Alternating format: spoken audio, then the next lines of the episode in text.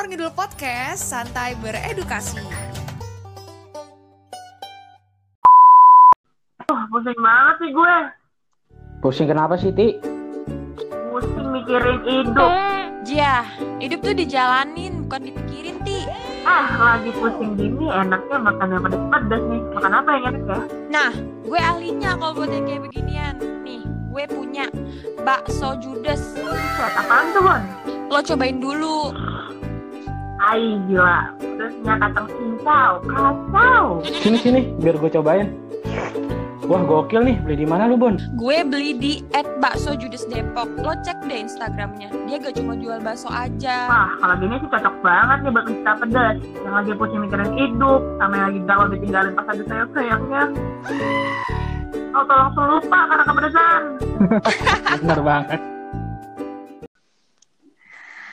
Hai friend, kembali lagi sama kita bertiga di Ngalor Ngidul Podcast bersama gue, Bone dan Gali. Yuhu. Eh, episode kali ini kita bener-bener spesial, spesial banget karena kita kedatangan tamu yaitu jeng jeng jeng jeng. Di episode kali ini kita kedatangan tamu yang amat-amat spesial, seorang dokter muda yang baru fresh graduate banget nih. Namanya Kak Ana Nurlina. Dia itu lulusan dari Unisba, Universitas Islam Bandung, lulusan tahun 2020. Boleh Kak Ana eh, sapa teman-teman pendengar kita dulu? Hai guys. Ah, gitu dong guys. jadi Kak Ana ini sekarang jadi eh, lagi jadi ini dokter internship di salah satu rumah sakit di Bogor. Di Nah, mana rumah rumah sakit itu jadi rujukan ya, Nah, rujukan betul COVID-19. banget. Oke, Bone, kayaknya nih udah banyak banget pertanyaannya kayaknya. Iya nih, Boleh banyak banget pertanyaan yang masuk ke gue. Bercanda. Asik. Kita sharing aja ya di sini ya. Jadi apa yang udah pernah gue dapetin, gue sharing lagi ke kalian. Pasti gue rasa kalian semua udah pada apa sih nyari-nyari informasi tentang situasi saat ini ya. Gitu. Iya, Betul. betul banget, Kak. Oke, cus Oke, Bone. Kak. Ada pertanyaan. Kan banyak nih yang bilang kalau misalkan COVID-19 itu cuma konspirasi. Nah, gimana tanggapan kakak nih sebagai dokter muda atau tenaga medis yang menjadi garda depan penanganan pasien COVID-19-nya itu? Kalau untuk konfir apa tadi Konspirasi. eh, konspirasi itu kan gimana orang yang melihatnya ya, apalagi orang awam yang nggak pernah tahu eh, kondisi atau situasi saat ini. Karena yang lebih tahu kan biasanya tenaga-tenaga medis ya. Mm-mm. cuman gue sih nggak terlalu nanggepin buat yang eh, yang nyeleneh kayak saat ini gitu ya yang penting apa ya jadi kalau misal tentang konspirasi saat ini sih gue nggak terlalu menanggapi banget ya. Karena yang tahu saat ini kan ada dokter tenaga medis orang-orang lapangan di rumah sakit yang tahu kondisinya. Jadi kalau misal ada yang mereka nganggapnya ini corona bohongan lah corona inilah atau ada yang bilang semua pasien yang ada di rumah sakit di corona kan lah itu terserah mereka gitu. Yang penting kita mah hanya menjalankan apa yang kita dapetin apa yang kita temuin kita lakukan gitu aja Oh, gitu. Oh. Tuh guys, dengerin. Nah, Jadi bukan Lanjut. ya. Eh tapi tapi tapi kesel gak sih kan maksudnya eh, ada rasa kesel gak sih pas kayak ih gue tuh udah udah capek banget gitu misalkan capek lah Terus- pasti ada keselnya juga pasti. Apalagi kalau misalnya selama gue kan selama gue sebelum magang kan gue pasti akan stay di rumah juga. Gue ngeliat kondisi. Jangankan orang lain orang rumah aja kalau misalnya nggak taat aja gue kesel gitu kan. Gitu. Pasti kesel sih ada cuman ya udah. Ngapain kita capek-capek ngabisin tenaga kita buat yang nggak penting ya nggak sih? Mending gue ngurusin yang lain gitu. Betul betul banget nih. Betul. nih cewek hebat banget friend Gila gue proud banget sama lo kak terus lanjut Nih, kan rumah sakit tempat kakak magang ini uh, menjadi salah satu rumah sakit rujukan pasien COVID-19 yang ada di Bogor. Ada ada lanjut ke pertanyaan selanjutnya. Nih, kan di rumah sakit tempat kakak magang ini yang ada di Bogor nih, jadi eh, rumah sakit rujukan pasien COVID-19. Ada gak sih perlakuan khusus dari pemerintah Bogor terhadap tenaga medis yang bekerja di sana? Terus, eh, untuk sekarang ini pasien COVID yang ada di sana itu eh, menurun atau malah meningkat, Kak? Kalau perlakuan khusus kan gue masih baru ya. Jadi kalau gue sih nggak nggak nggak belum dapetin perlakuan khusus dari pemerintah sih. Ya maksudnya belum belum merasakannya gitu. Paling ya kita dapat Hmm. insentif aja yang kayak kalian pernah dengar insentif uh, untuk covidnya sendiri. Paling itu kan tuh dari pemerintah. Terus kalau misalnya sekarang tentang kasus corona lagi meningkat atau enggak gue akui sekarang lagi banyak banget. Karena menurut gue kadang Hmm. pasien tuh datang tadi pertanyaannya Bas, banyak gak sih eh, pasien COVID saat ini? Gua akui sih banyak ya sekarang-sekarang nih, apalagi Hmm. menuju hari libur atau Natal sekar- sekarang ini tuh lagi banyak banget karena kadang ada pasien juga datang dengan keluhan yang berbeda yang gak kita kira-kira ini bakal COVID, ternyata pas gua lihat hasil ronsennya dia nunjukin hasilnya mengarah ke COVID kayak gitu ada ada banget kayak gitu. Jadi karena apa ya pem- eh, sekarang ini kan udah tidak berlakukannya lagi lockdown ya dan masyarakat Mm-mm. juga udah mulai ya udah gue merasa bebas eh, udah mulai lelah juga mungkin ya jadi kepedulian mereka akan covid sekarang ini sih berkurang Hmm. Betul, betul banget sih. Apalagi udah ada varian baru tuh COVID di Inggris. jadi kita Varian Iya, yang berita-berita di Inggris yang 70 kali lebih menular. Wow. iya ya Mungkin nanti Wow. gue cek lagi deh gue baru dengar deh itu Iya sama. Gue juga baru dapat info dari lo, Gali. Ingat lo harus kritis, Gali.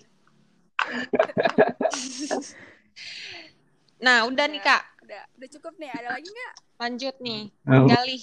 ini Kak, Ada yang mau ditanyain sama Gali nih, apa, Kak. apa, apa. Kan kalau lagi bertugas kan biasanya pakai hazmat suit yang berlapis-lapis ya Kak. Atau Nah, kenapa tenaga medis juga bisa tertular Kak? Apa karena kelelahan bisa menyebabkannya? Hmm, itu dia. Kan pasien yang COVID itu nggak cuma satu ya, itu banyak. Mm-mm. Apalagi kadang-kadang kita udah pakai serapat mungkin namanya virus dengan kondisi kita yang udah lelah bisa gampang dengan masuk kan ya. Nggak cuma dari Mm-mm. ketika kita nanganin, kita nggak tahu pas lagi di luar atau apa meskipun kita udah pakai APD yang cukup gitu ya, mau di rumah sakit juga kan kita nggak tahu nih kondisi namanya virus.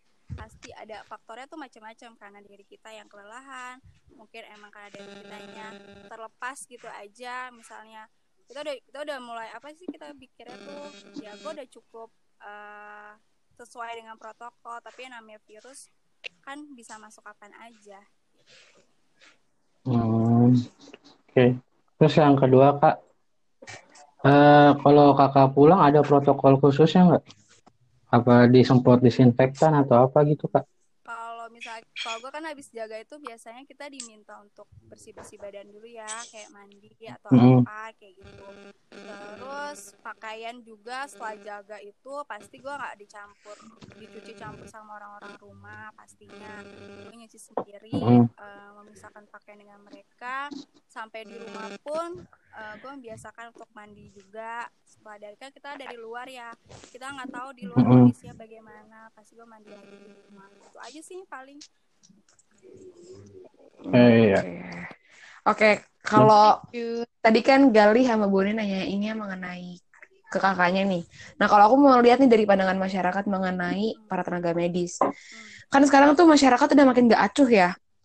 Eh, terus kakak sebagai tenaga medis gimana perasaannya? Terus eh, apa yang kakak lakukan pribadi ya untuk pribadi kakak supaya masyarakat yang udah terlanjur kayak bodoh amat sama COVID tuh kalau bisa lo lebih was-was lagi karena yang kita lawan ini adalah yang nggak terlihat gitu loh. Hmm. Gimana cara kakak buat ngebangkitin mereka supaya makin was-was mengenai COVID ini gitu? sebenarnya gini ya dari pemerintah aja udah udah, udah dibantu nih cara penanganannya. Terus apa yang harus diperhatiin gejalanya bagaimana itu sebenarnya pemerintah udah mulai membantu. Cuma namanya masyarakat ya gimana sih mereka tuh ya udah gitu nganggap karena corona itu nggak terlihat gitu. Nggak kayak tiba-tiba kayak waktu di. Cina kan tiba-tiba ngedebrak aja mereka jatuh. Itu kan terbukti ya. Iya. di kita kan ya udah nggak ada gitu. Terus mau gue sih untuk ngasih tahu ke mereka sebenarnya hmm, tetap akan lakukan hal yang sama gitu tetap ngasih tahu ke mereka uh, menjalankan 3M, pakai masker, menjaga jarak, mematuhi protokol.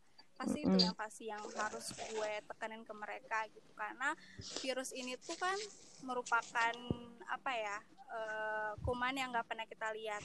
Dia bisa nyerang kapan aja, sepersekian detik, ada di mana aja pastinya. Dan apa ya? Gejala juga berbeda-beda ya. Nah, gejalanya pun berbeda-beda gitu. Jadi apa ya? Kalau untuk membuat mereka was-was, gue nggak mau bikin mereka was-was karena takutnya kan bakal nimbulin apa ya? Stigma. Panik. Nah, panik, cemas ke mereka itu pasti ada gitu. Yang penting masih mereka menjalankan 3M itu. Cuma kan banyak aja ya namanya orang yang tetap pakai masker di bawah hidung gitu pasti ada. Bahkan kalian Karena mungkin banyak banget malah justru yang kayak udah nggak pakai masker sama sekali. Nah itu dia. Lo Gitu naik sepeda aja bisa nggak pakai masker kan? Padahal lo bilangnya olahraga. Iya. Aneh gak? Iya, makanya. Terus kalau eh, apakah keadaan di rumah sakit mengenai COVID di awal masuk sama yang sekarang berbeda? Jadi kayak awal-awal tuh mungkin orang hektik banget ya karena baru tahu COVID. Sekarang apa udah makin longgar? Terus karena yang kalau kita lihat tuh kan orang-orang makin banyak yang nggak peduli sama keadaan gitu loh kak. Apa kalau di di rumah sakit tetap kayak tetap mematuhi protokol atau gimana? Tetap sih. Di rumah sakit tetap bakal mematuhi protokol karena kita nggak tahu setiap pasien yang datang ke kita dengan kondisi yang apa kita nggak pernah tahu. Hmm. Berarti eh, apa namanya dari awal sampai sekarang itu sama aja ya protokolnya tetap masih ketat banget gitu ya? Sama. Cuman kan ada untuk memakai pakaian tuh pasti ada levelnya ya, ada Mm-mm. ada berbagai macam-macam bentuk pakaiannya harus bagaimana itu ada itu nanti deh kalian Hmm. cari sendiri untuk pakaiannya seperti apa gitu ya. Oh beda-beda tiap ininya, maksudnya kayak yang Mm-mm. mereka yang khusus COVID tuh lebih gimana ya? Kayaknya lebih Kalau double kalau yang double. covid tuh kalian suka lihat kan yang kayak baju astronot kayak gitu. Iya, heeh. Nah itu kalau mereka menangani langsung terus Mm-mm. dia memang udah terkonfirmasi covid ya pasti dia akan pakai baju kayak gitu, eh, pakai baju hazmat yang kita kenal Mm-mm. Oh kalau tapi kalau misalnya Mm. kayak yang poli-poli biasa kayak yang kulit atau apa gitu-gitu, itu ada itu kita biasanya pakai apa ya kalau kita bilang kayak baju baju biasa sih maksudnya baju penutup sendiri kita pakai Mm-mm. sarung tangan pakai masker Hmm. oh gitu-gitu. Oke. Tapi kalau kayak gitu membuat orang takut ke rumah sakit ya. Pasti ada tapi ada yang mungkin emang kadang-kadang mereka yang butuh pengobatan tetap aja datang ke rumah sakit mah ada.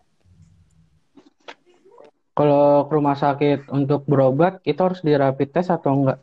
Eh, kalau misalnya lo nggak ada kegawat daruratan sih enggak tapi kalau misalnya dia eh, indikasi untuk dilakukan rawat inap itu biasanya emang harus jadi apa ya protokol tetap untuk dirawat. Misalnya harus direpit terlebih dahulu habis direpit terus di ronsen dilihat.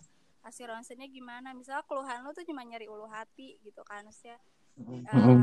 mah gitu. Tapi ketika dilihat di ronsen ada gejala mengarah ke pandemi saat ini ya mau nggak mau lo harus diisolasi terlebih dahulu gitu. Sampai benar-benar bahwa lo tuh nggak terdiagnosis atau nggak terkonfirmasi eh, kasus Corona. pandemi saat ini. Hmm, Hmm. gitu. Terus kalau misalkan itu kan tadi katanya mau dirawat, direpit terus di ronsen dulu kak. Ah, maksudnya terus diisolasi, maksudnya tuh kayak diisolasi cuma sambil dirawat gitu. iya sampai tetap tetap dirawat sih cuman di ruangan terpisah gitu. Oh sendiri Soalnya- gitu ya? Eh, benar-benar khusus untuk mereka aja Hmm. Oke deh. Tapi kalau kayak gitu ada sebagian yang dirawat di rumah ya. ada pasti ada jadi kita lihat Hmm. kondisi pasiennya dulu. Misalnya dia dengan kondisi baik gejalanya ringan. Nggak ada tanda-tanda yang memburuk. Kayak misalnya Berat. berat. Kayak gitu tuh nggak ada. Ya kita masih bisa minta mereka untuk isolasi mandiri. Tapi tetap isolasi mandirinya itu eh, tetap dalam pantauan. Misalnya dia harus lapor dulu ke misalnya di lingkungan sekitarnya mereka nanti dipantau sama pihak puskesmasnya bisa kan nanti untuk kira-kira pasien ini tuh udah membaik atau belum? Biasanya mereka disuruh Hmm. selama 14 hari kan. Terus pokoknya Iya. eh, tetap eh, pakai masker piringnya terpisah gelas juga terpisah. Pokoknya eh, apalagi obat-obatannya harus rutin diminum Eh, kalau kayak gitu pas 14 hari itu masih ada gejala atau bahkan bertambah harus ke rumah sakit ya isolasinya. Pak. Nah, nanti kan dilihat lagi sama pihak dari eh, tenaga medisnya ya, misalnya dari puskesmas Mm-mm. dilihat sebenarnya 10 hari itu untuk melihat kondisi pasiennya, tiga hari itu untuk melihat bahwa pasiennya itu udah nggak ada gejala lagi. Nanti kalau misalnya dalam tiga hari ini pasien gejala, bakal tetap dilanjutin terapinya. Berarti pasiennya ke rumah sakit apa tenaga medisnya ke rumah? Biasanya dari pihak tenaga medis yang di puskesmasnya suka ada yang datang ke rumah. Biasanya Oh, datang ke rumah. ada. Oke. Ada lagi yang ingin tanya? Sudah. dan Udah, kayaknya aku udah cukup. Udah cukup. Eh, Nah, semoga uh, sharing gue sekali ini sih apa ya bisa bermanfaat buat kalian juga. Amin. Terus Amin. jadi apa ya lebih tahu juga mengenai COVID saat ini. Jadi jangan pernah ngeremehin COVID, walaupun dia kalau kalian anggap virus ya biasanya kan dia bisa sembuh dengan sendirinya. Terus nggak terlalu kelihatan gejalanya, tetap kalian harus pakai masker, bawa hand sanitizer atau enggak kalau misalnya ada tempat cuci tangan lu cuci tangan dulu. Setelah itu jaga jarak. Sama ini ya, Kak, konsumsi vitamin. Betul, itu boleh wajib. Lagi kalau Hmm. aktivitasnya berat, ya lo minum-minum kan membutuhkan tenaga yang ekstra, lo bawa vitamin, makan yang cukup, udah. Nah, Oke. itu dia pesan-pesannya, guys. Jangan lupa diterapin. Langsung dari dokternya ya. Langsung dari ahlinya. Terus kalau suka ngumpul juga, carilah yang tepatnya jangan terlalu ramai. Kayaknya itu susah banget ya diterapin sama anak muda ya. Itu yang jadi masalah sebenarnya. Iya, betul banget. Apalagi udah ada Taco Bell ya. Oke, untuk Oke, guys. bincang-bincang minggu ini asik. Bincang-bincang spesial minggu ini tuh udah cukup kali ya. Karena udah jelasin juga sama ahlinya bahwa ya kita harus tetap menerapkan 3M dan nggak boleh meremehkan COVID ini karena apa yang kita lawan itu nggak terlihat gitu. Gaib ya. Oh. Gaib Gaib ya, banget, Bu. gaib banget. Oke. Untuk episode minggu ini ini dulu aja. Semoga episode-episode selanjutnya kita bakal ketemu lagi. Amin. Dan jangan lupa tetap nerapin Amin. 3M. See you. Bye bye. Thank da, you. Oh, thank you. Bye bye. Terima kasih juga loh.